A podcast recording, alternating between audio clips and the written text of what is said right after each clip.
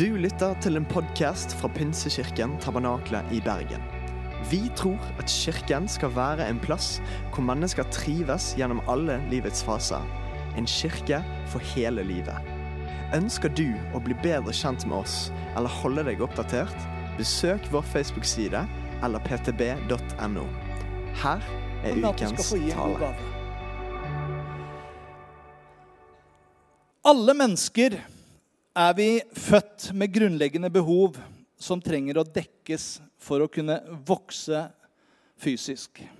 Slike som eh, mat og drikke.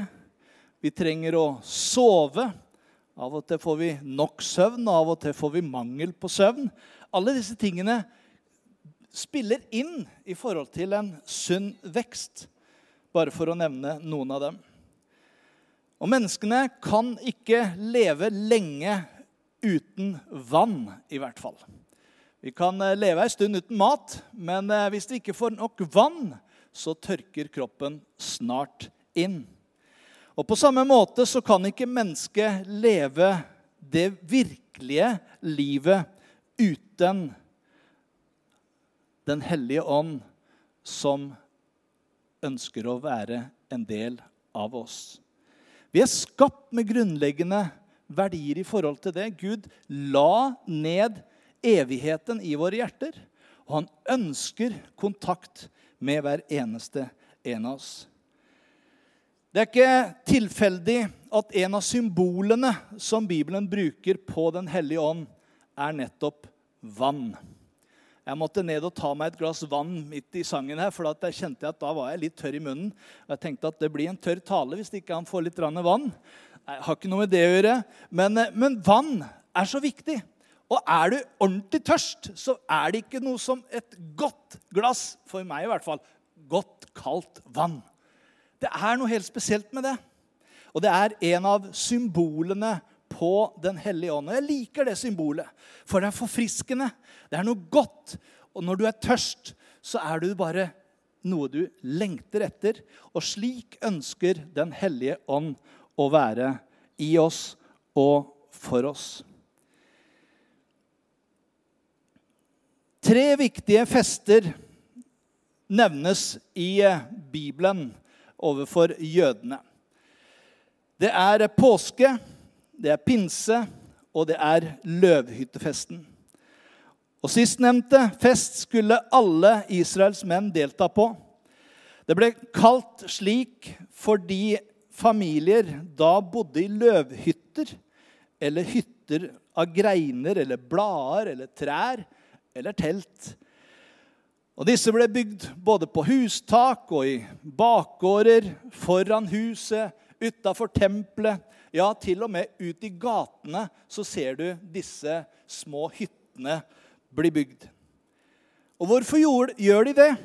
Jo, denne festen minner dem om at de hadde levd i telt og løvhytter under deres 40-årige vandring i ørkenen etter at Gud hadde løst dem ifra Egypt.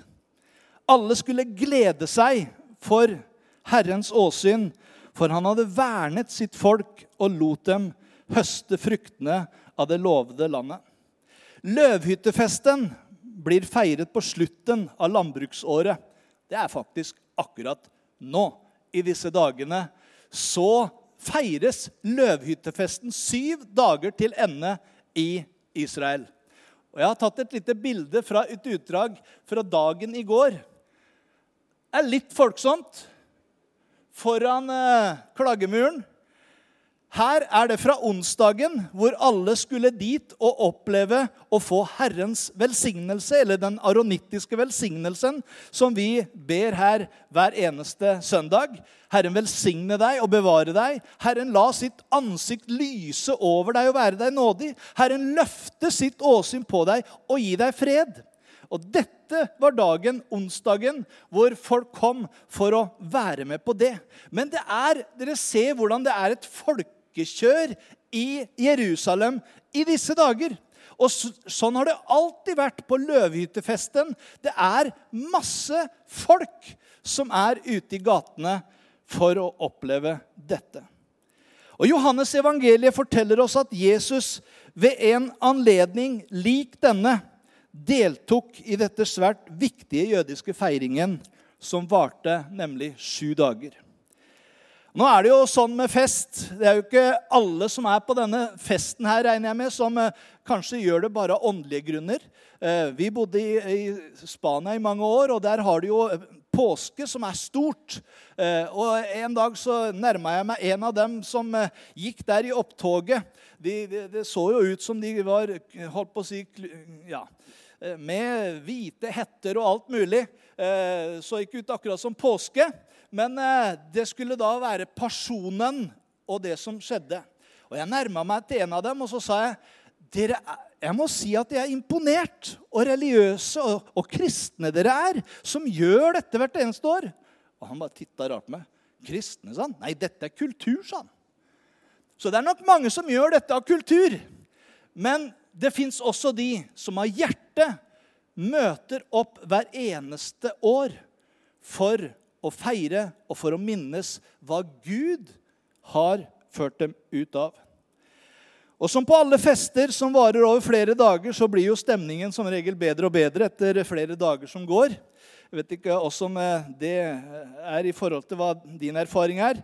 Men eh, man blir jo bedre kjent, og man får litt mer lave skuldre. Og man eh, slår av noen ekstra vitser og så forskjellig, og så er stemningen der. Og Ypperstepresten han var viktig i dette med løvhyttefesten og seremonien. Den skulle utføres ordentlig hver eneste dag. Og bare For å gi deg en liten recap på hvordan denne festen var, så skulle det i løpet av de sju dagene så skulle han gå ned til Siloa, øverstepresten. Han skulle ha med seg en kanne med vann som han da skulle frakte opp til tempelet. Og der skulle han helle det utover alteret foran alle menneskene hver dag da dette skjedde, skulle folket synge og rope, 'Takk Herren, for Han er god.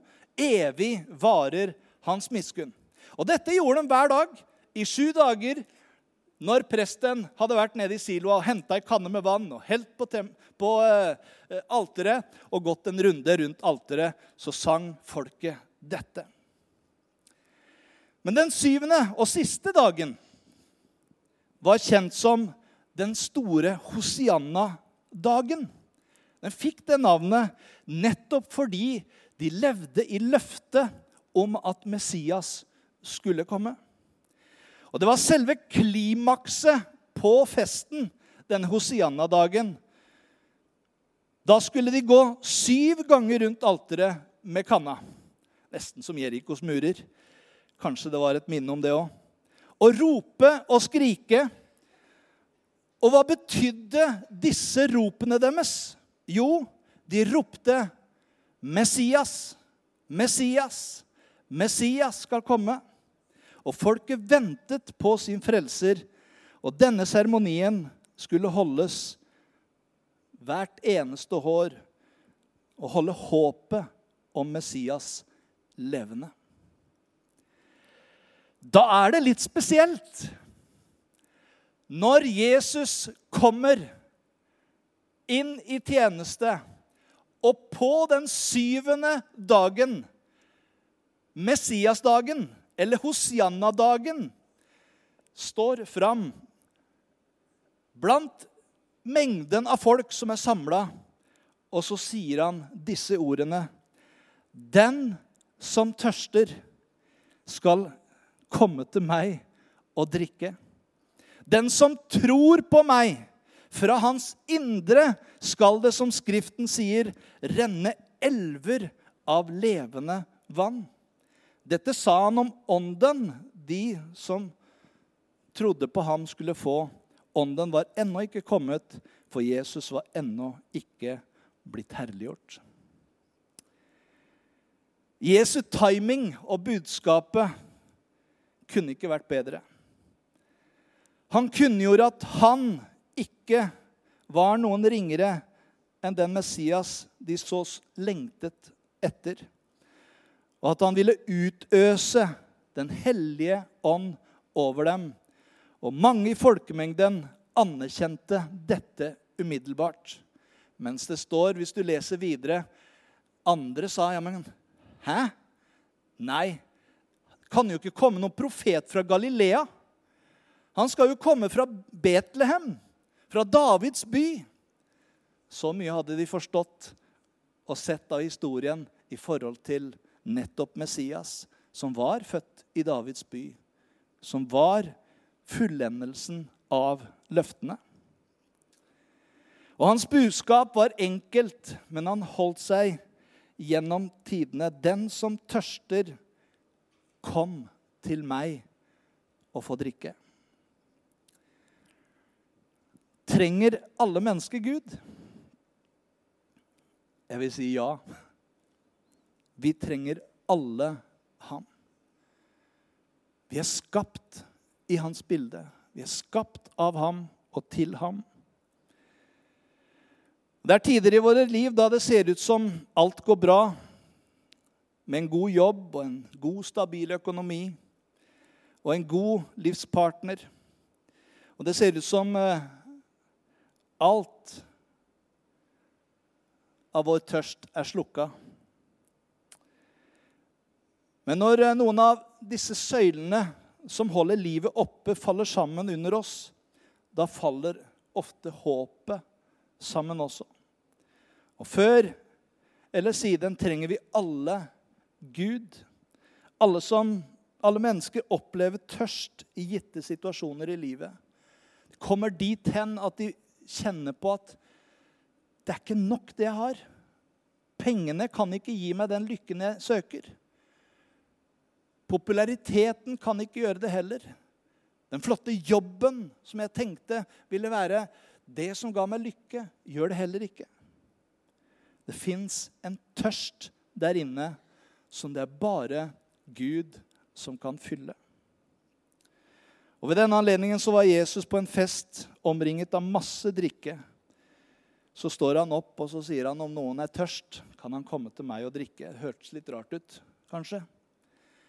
Og Mange så sikkert på hverandre og sa denne her, han, han, han må Han kan ikke være helt god. Ser han ikke at det er nok drikkevarer på bordet her? Men det var ikke den drikka Jesus snakka om. Han snakka ikke om en naturlig tørst, men en indre tørst. Den tørsten som finnes i menneskenes hjerte. Det fins ikke noe i dette livet som kan slukke den indre tørsten.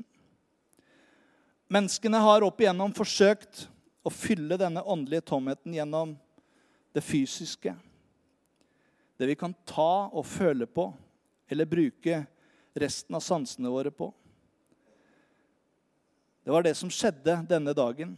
De festet, det var mat, det var drikke, det var musikk, det var bråk, latter, venner. Men i alt dette som var godt for menneskene, så står Jesus opp og så taler han til dem om noe som var viktigere. Å gå fra det overfladiske til det som var livsviktig. Dette kan også skje med oss. Vi forsøker å stille vår tørst med ting som er forbigående. Men han kommer til oss, og så taler han til oss i vårt indre. Om de skjulte tingene.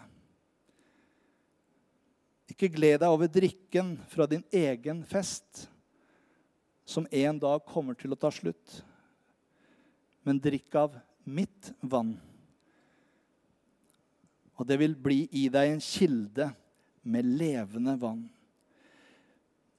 Min tørst etter ham er koblingspunktet som binder meg til ham.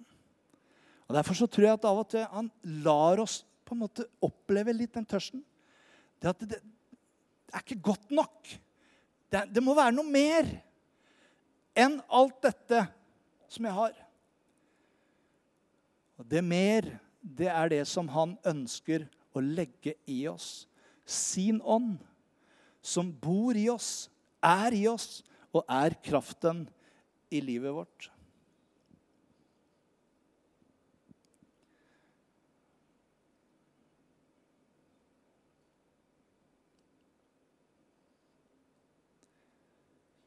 Den som drikker av det vannet jeg vil gi, skal aldri mer tørste.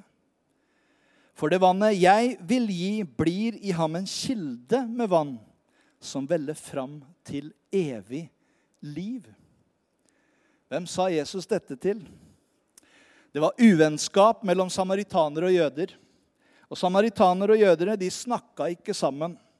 De gikk gjerne store omveier for å slippe å møte hverandre.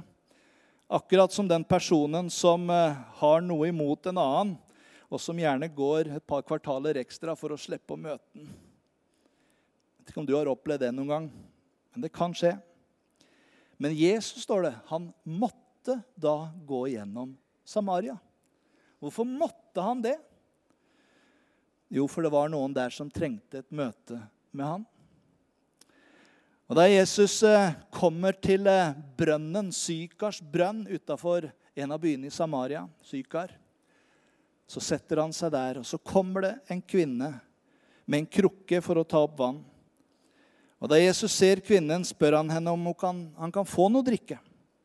Og Hun svarer ham overraska. 'Hvordan kan du, som er jøde, be meg, en samaritansk kvinne, om å få drikke?' Og Så forklarer Bibelen at eh, samaritaner har nemlig ikke noe med jøder å gjøre. De snakker med, ikke med dem engang.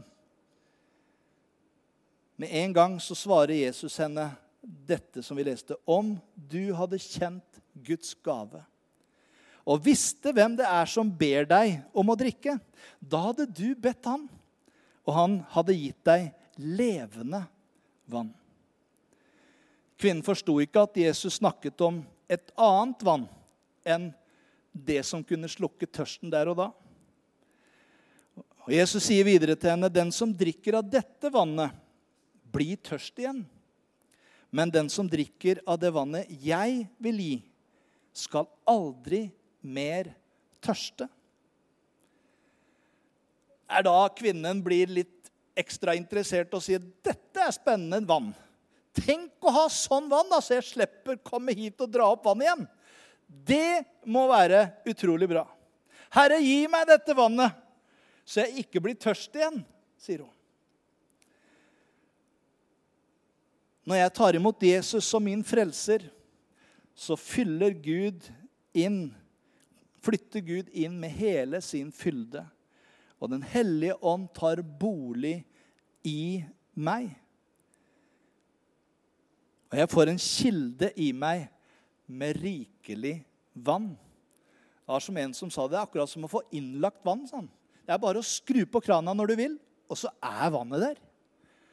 Sånn er det når Den hellige ånd bor i oss. Så trenger du ikke å fare opp til himmelen for å hente han ned, eller ned i avgrunnen for å hente han opp. Nei, ordet er deg nær i din munn i ditt hjerte. Troens ord som vi forkynner. Så kan vi få lov til å øse ut av det som Den hellige ånd har i oss. For han har flytta med hele sin herlighet inn i oss. I det øyeblikket vi sa, 'Ja, jeg velger å tro på deg, Jesus', så flytta Den hellige ånd inn i oss. Og det var dette vannet Jesus drev og snakket med denne kvinnen om. I Apostlenes gjerninger så leser vi historien om mannen som hadde vært lam fra fødselen av, men som ble helbredet da Peter og Johannes gikk forbi. Dere husker den historien. Sølv og gull har vi ikke, men det vi har, det gir vi deg. Jeg skal ikke preke om det nå, men bare et uttrykk som det står etter denne setningen.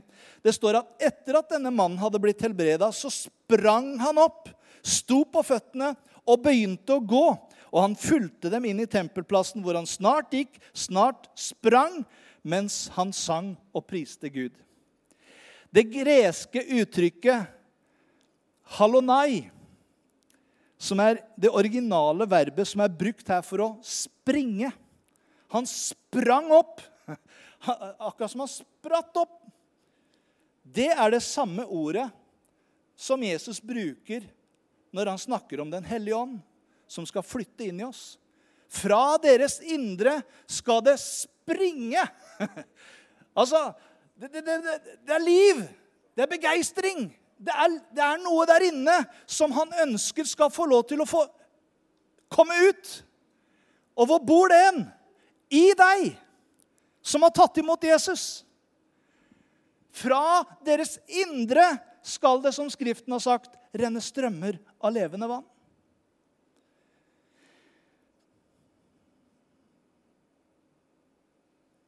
Hvordan var tilstanden til denne lamme i apostlenes gjerninger? Jo, han var forhindret, han var nedtynget. Han var liggende, hadde liggesiden han var født, og hans ben hang fra hoftene. Men da han opplevde Jesu berøring gjennom apostlenes ord, så kunne han hoppe og juble og glede seg. Og det samme skjer i deg og meg når vi blir berørt av Den hellige ånd. Hans vann gir det tørre liv igjen. Den som tror på meg, fra hans indre skal det, som Skriften har sagt, renne strømmer av levende vann.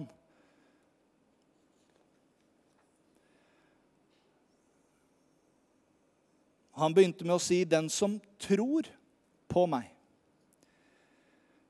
For bare de som erkjenner sitt behov for Gud og har gitt ham sitt liv, vil oppleve denne indre elven. Den hellige ånds nærvær produserer denne lengselen. Fordi Den hellige ånds primære oppgave er å herliggjøre Jesus. Så han vil at du skal få lov til å våkne opp om morgenen og få lov til å herliggjøre Jesus. Sette på en lovsangs-CD, be en bønn, legge dagen i Herrens hender. Og så kjenner du plutselig er koblinga der. Jeg er ikke alene. Han er meg nær.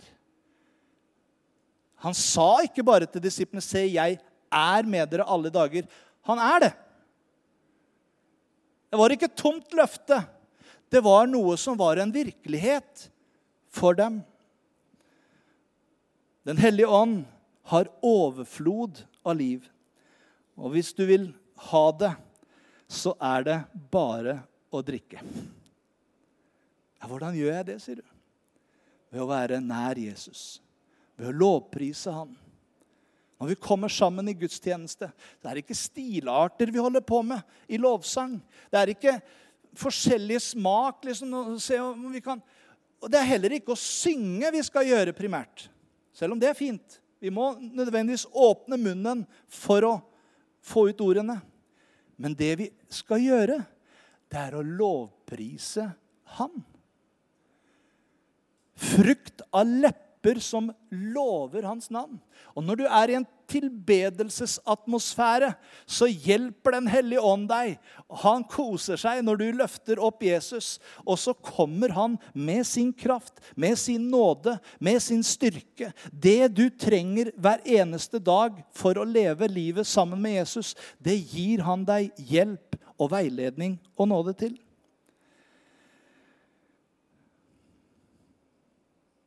Det fins ikke noe begrensning eller noe rasjonering fra Den hellige ånds side. Men Gud er alltid vann nok for oss. Og det er overflod av det. Og Han vil at det skal renne elver av levende vann fra ditt indre. Ikke sånn akkurat nok til deg, men det som ligner Jesus, det er at han, han legger på så mye så det spruter litt på andre også. Og det er det han vil. At når du er på jobben, når du er i barnehagen og jobber, eller på skolen, eller som sykepleier eller som mekaniker, så livet ditt Det er så, holdt på å si, saftig på innsida. Det er så fylt av Gud at folk kommer til å merke Hva er det med deg?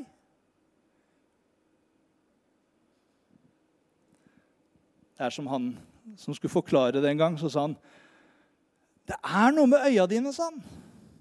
Ja, Det er bare Den hellige ånd som titter ut av og til, sa han.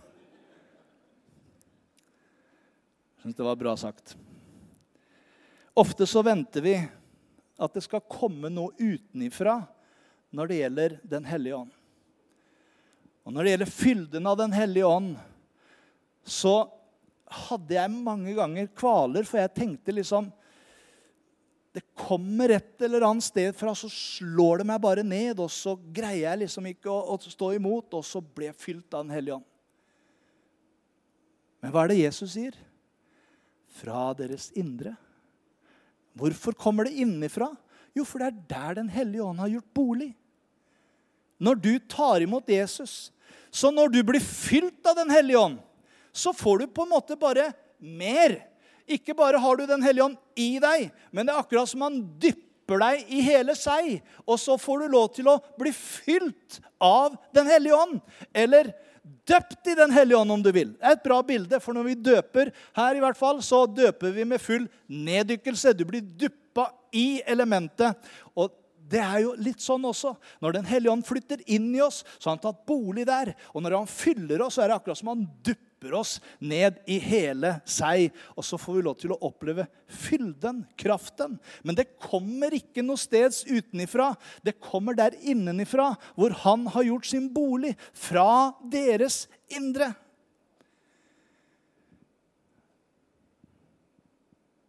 Og det skal springe ut og det er overflod av det. Og han vil at det skal renne elver fra ditt liv. I ditt indre så vil Gud elver renne som levende vann. Og han vil ta med seg vår synd. For det kommer vi fortsatt til å gjøre.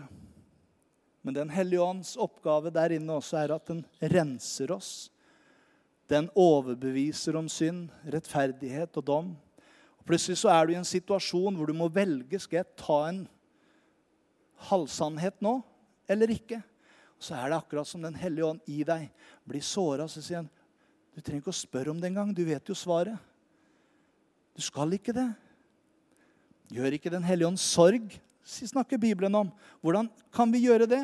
Jo, han som bor der inne, han blir sorgfull når vi ikke gjør det som er etter Guds vilje med våre liv. Men så er han full av nåde. Så om vi snubler og faller, så kan vi få lov til å be om tilgivelse. Og så er Den hellige ånd der. Og så gleder han seg over det. Og så hjelper han oss i prosessen. Og så fyller han oss på ny.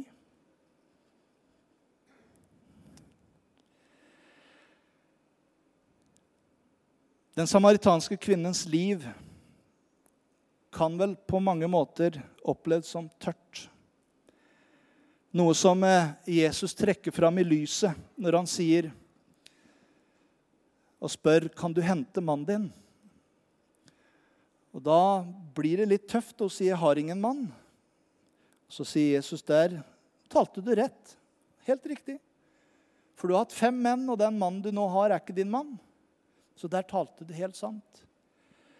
Plutselig ble det litt touchy. Det ble litt for nært. Og da gjør denne kvinnen Det kunne gjerne vært en mann. Noe som vi ofte gjør. Vi endrer samtaleemnet. Og så blir vi plutselig litt religiøse. Og religiøst er ikke åndelig. Det er veldig menneskelig.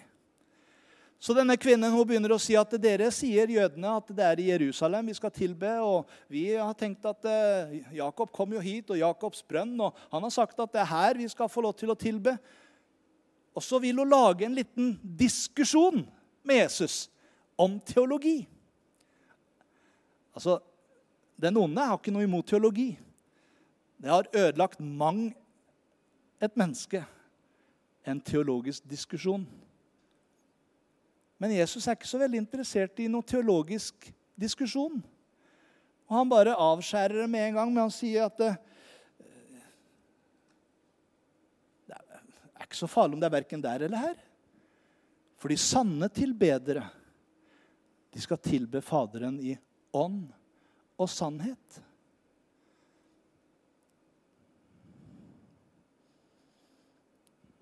Og mange ganger leter ikke vi på feil plasser.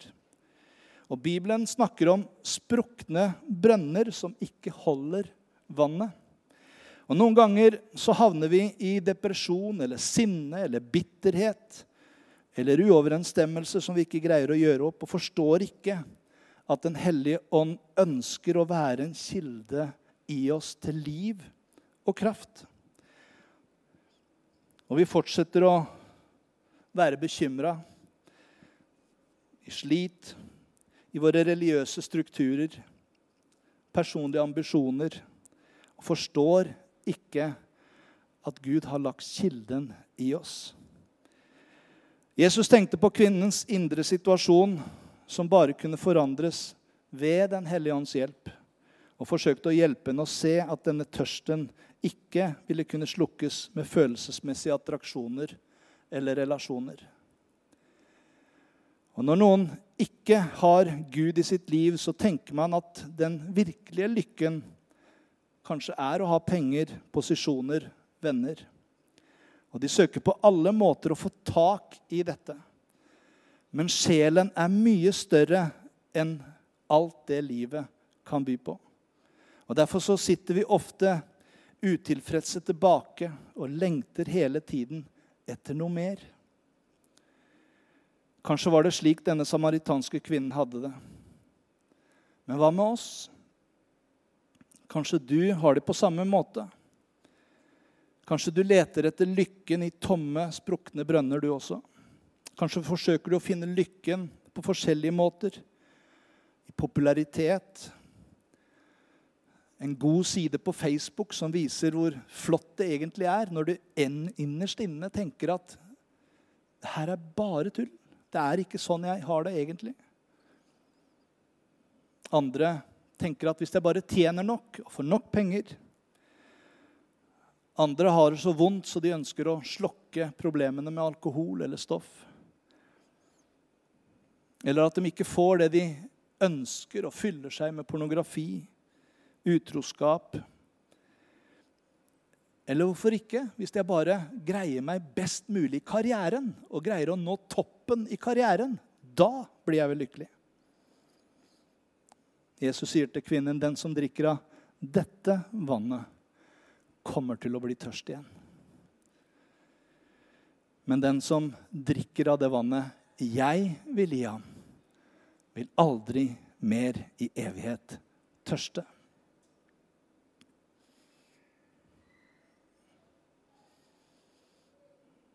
Gud bor i oss og forvandler oss til et tempel for Den hellige ånd.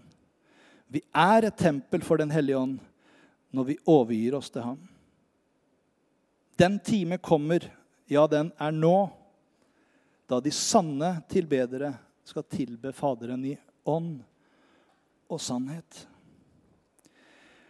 Når vi lever våre liv i fellesskap med Den hellige ånd, så vil andre ønske å bli mer kjent med ham. Og når de ser at du lever et velsigna liv Kanskje ikke du har alt det de andre har, men det er noe i det du har allikevel, som er så spennende.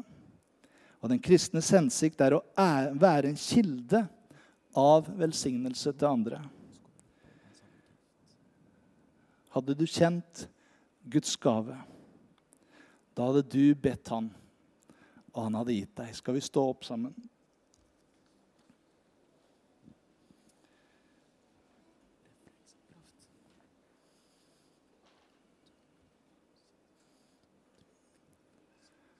Denne Jesus som en dag sto der på løvhyttefesten og sa, 'Det er meg. Kom til meg.' Det står i eh, Johannes at han kom til sine egne. Og når jeg så det bildet i dagen i går med alle de tusenvis av menneskene, så vet jeg samtidig at eh, Israel er de, et av de landene i verden med minst kristne mennesker. Så kan du tenke ja, men de er jo Guds folk. Ja, men Paulus hadde også et hjerte for dem. Så de trenger å høre evangeliet. Jeg må gå først til dem og dele. Så er det noe i det som Jesus sier der. Han kom til sine egne, men hans egne tok ikke imot ham. De gjenkjente ikke at han var den Messias som de lengta etter. Som de hadde bedt om, som de trodde på. Jeg vet at Bibelen sier at en dag så kommer hele folket til å ta imot på en dag. Da han kommer i skyene, og de skal se ham, den som de har korsfestet.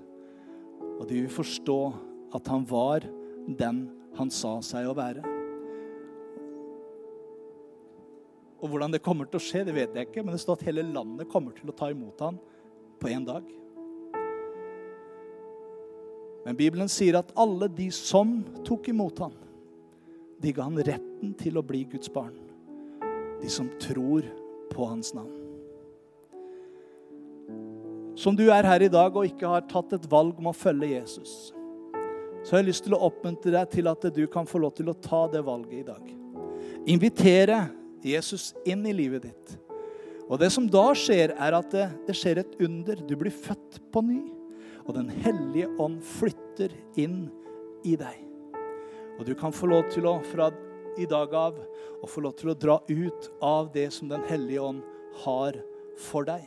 Et liv i hans kraft, i hans nåde, med hans hjelp. Gud hadde ikke tenkt at du skulle gå rundt livet alene. Han ga deg en hjelper, Den hellige ånd, som skulle være med oss alltid. Men det starter med at vi gir livet til han. Og så ønsker han å være en del av dette livet og hjelpe deg fra i dag. Du lytter til en podkast fra Pinsekirken Tabernakle i Bergen. Vi tror at kirken skal være en plass hvor mennesker trives gjennom alle livets faser. En kirke for hele livet. Ønsker du å bli bedre kjent med oss eller holde deg oppdatert? Besøk vår Facebook-side eller ptb.no.